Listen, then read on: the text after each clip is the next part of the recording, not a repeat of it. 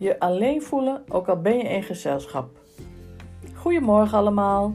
Dankjewel dat je luistert naar de dagelijkse podcast van Atelier Het Baken. Mijn naam is Tini Leberink.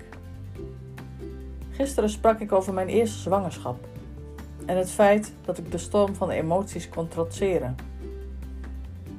En waarbij ik creativiteit heb ingezet om door die periode heen te gaan. Vandaag wil ik het hebben over je alleen voelen in gezelschap. Over verwarring zaaien als je praat.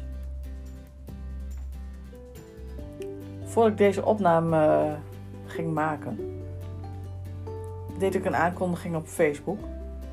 En ik was het, het levende voorbeeld. Ik zei iets en ik was me er niet van bewust, maar het klopte niet. Mijn communicatie kan voor verwarring zorgen.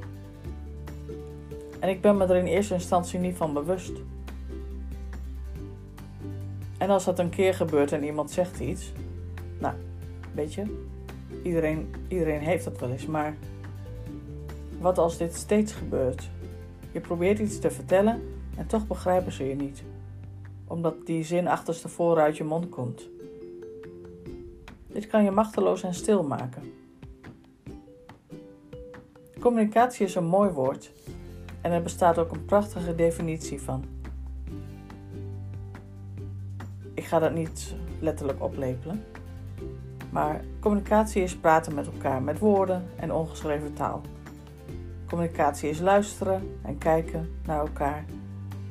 En het is een wisselwerking van mensen, tussen mensen die elkaar iets duidelijk proberen te maken. Die communicatie die kan verstoord zijn omdat mensen elkaar niet begrijpen. Omdat ze niet dezelfde taal spreken, ook al groei je in hetzelfde gebied op. En daardoor kun je je alleen voelen, ook al ben je in gezelschap. Omdat je het gevoel hebt dat niemand je begrijpt. Nu weet ik dat ik niet alleen ben en dat er mensen zijn die me geduldig laten ontdekken wat ik bedoel. En dat ik hier leer duidelijk in te worden. En dan begin ik opnieuw, zonder in paniek te raken. Maar het heeft heel wat jaren gekost. Nu weet ik ook dat ik niet alleen ben. En dat onze God er is die overigens altijd begrijpt wat ik bedoel, ook al ben ik warrig. Er zijn veel mensen, jongeren, kinderen die dit tegenkomen. Je bent hierin niet alleen. De een kan goed praten, de ander kan goed zingen. En ik?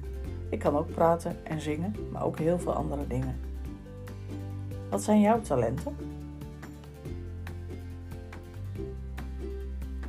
Heb lief en neem, neem tijd om elkaar te begrijpen. God zegen voor jou en je geliefde. Tot morgen.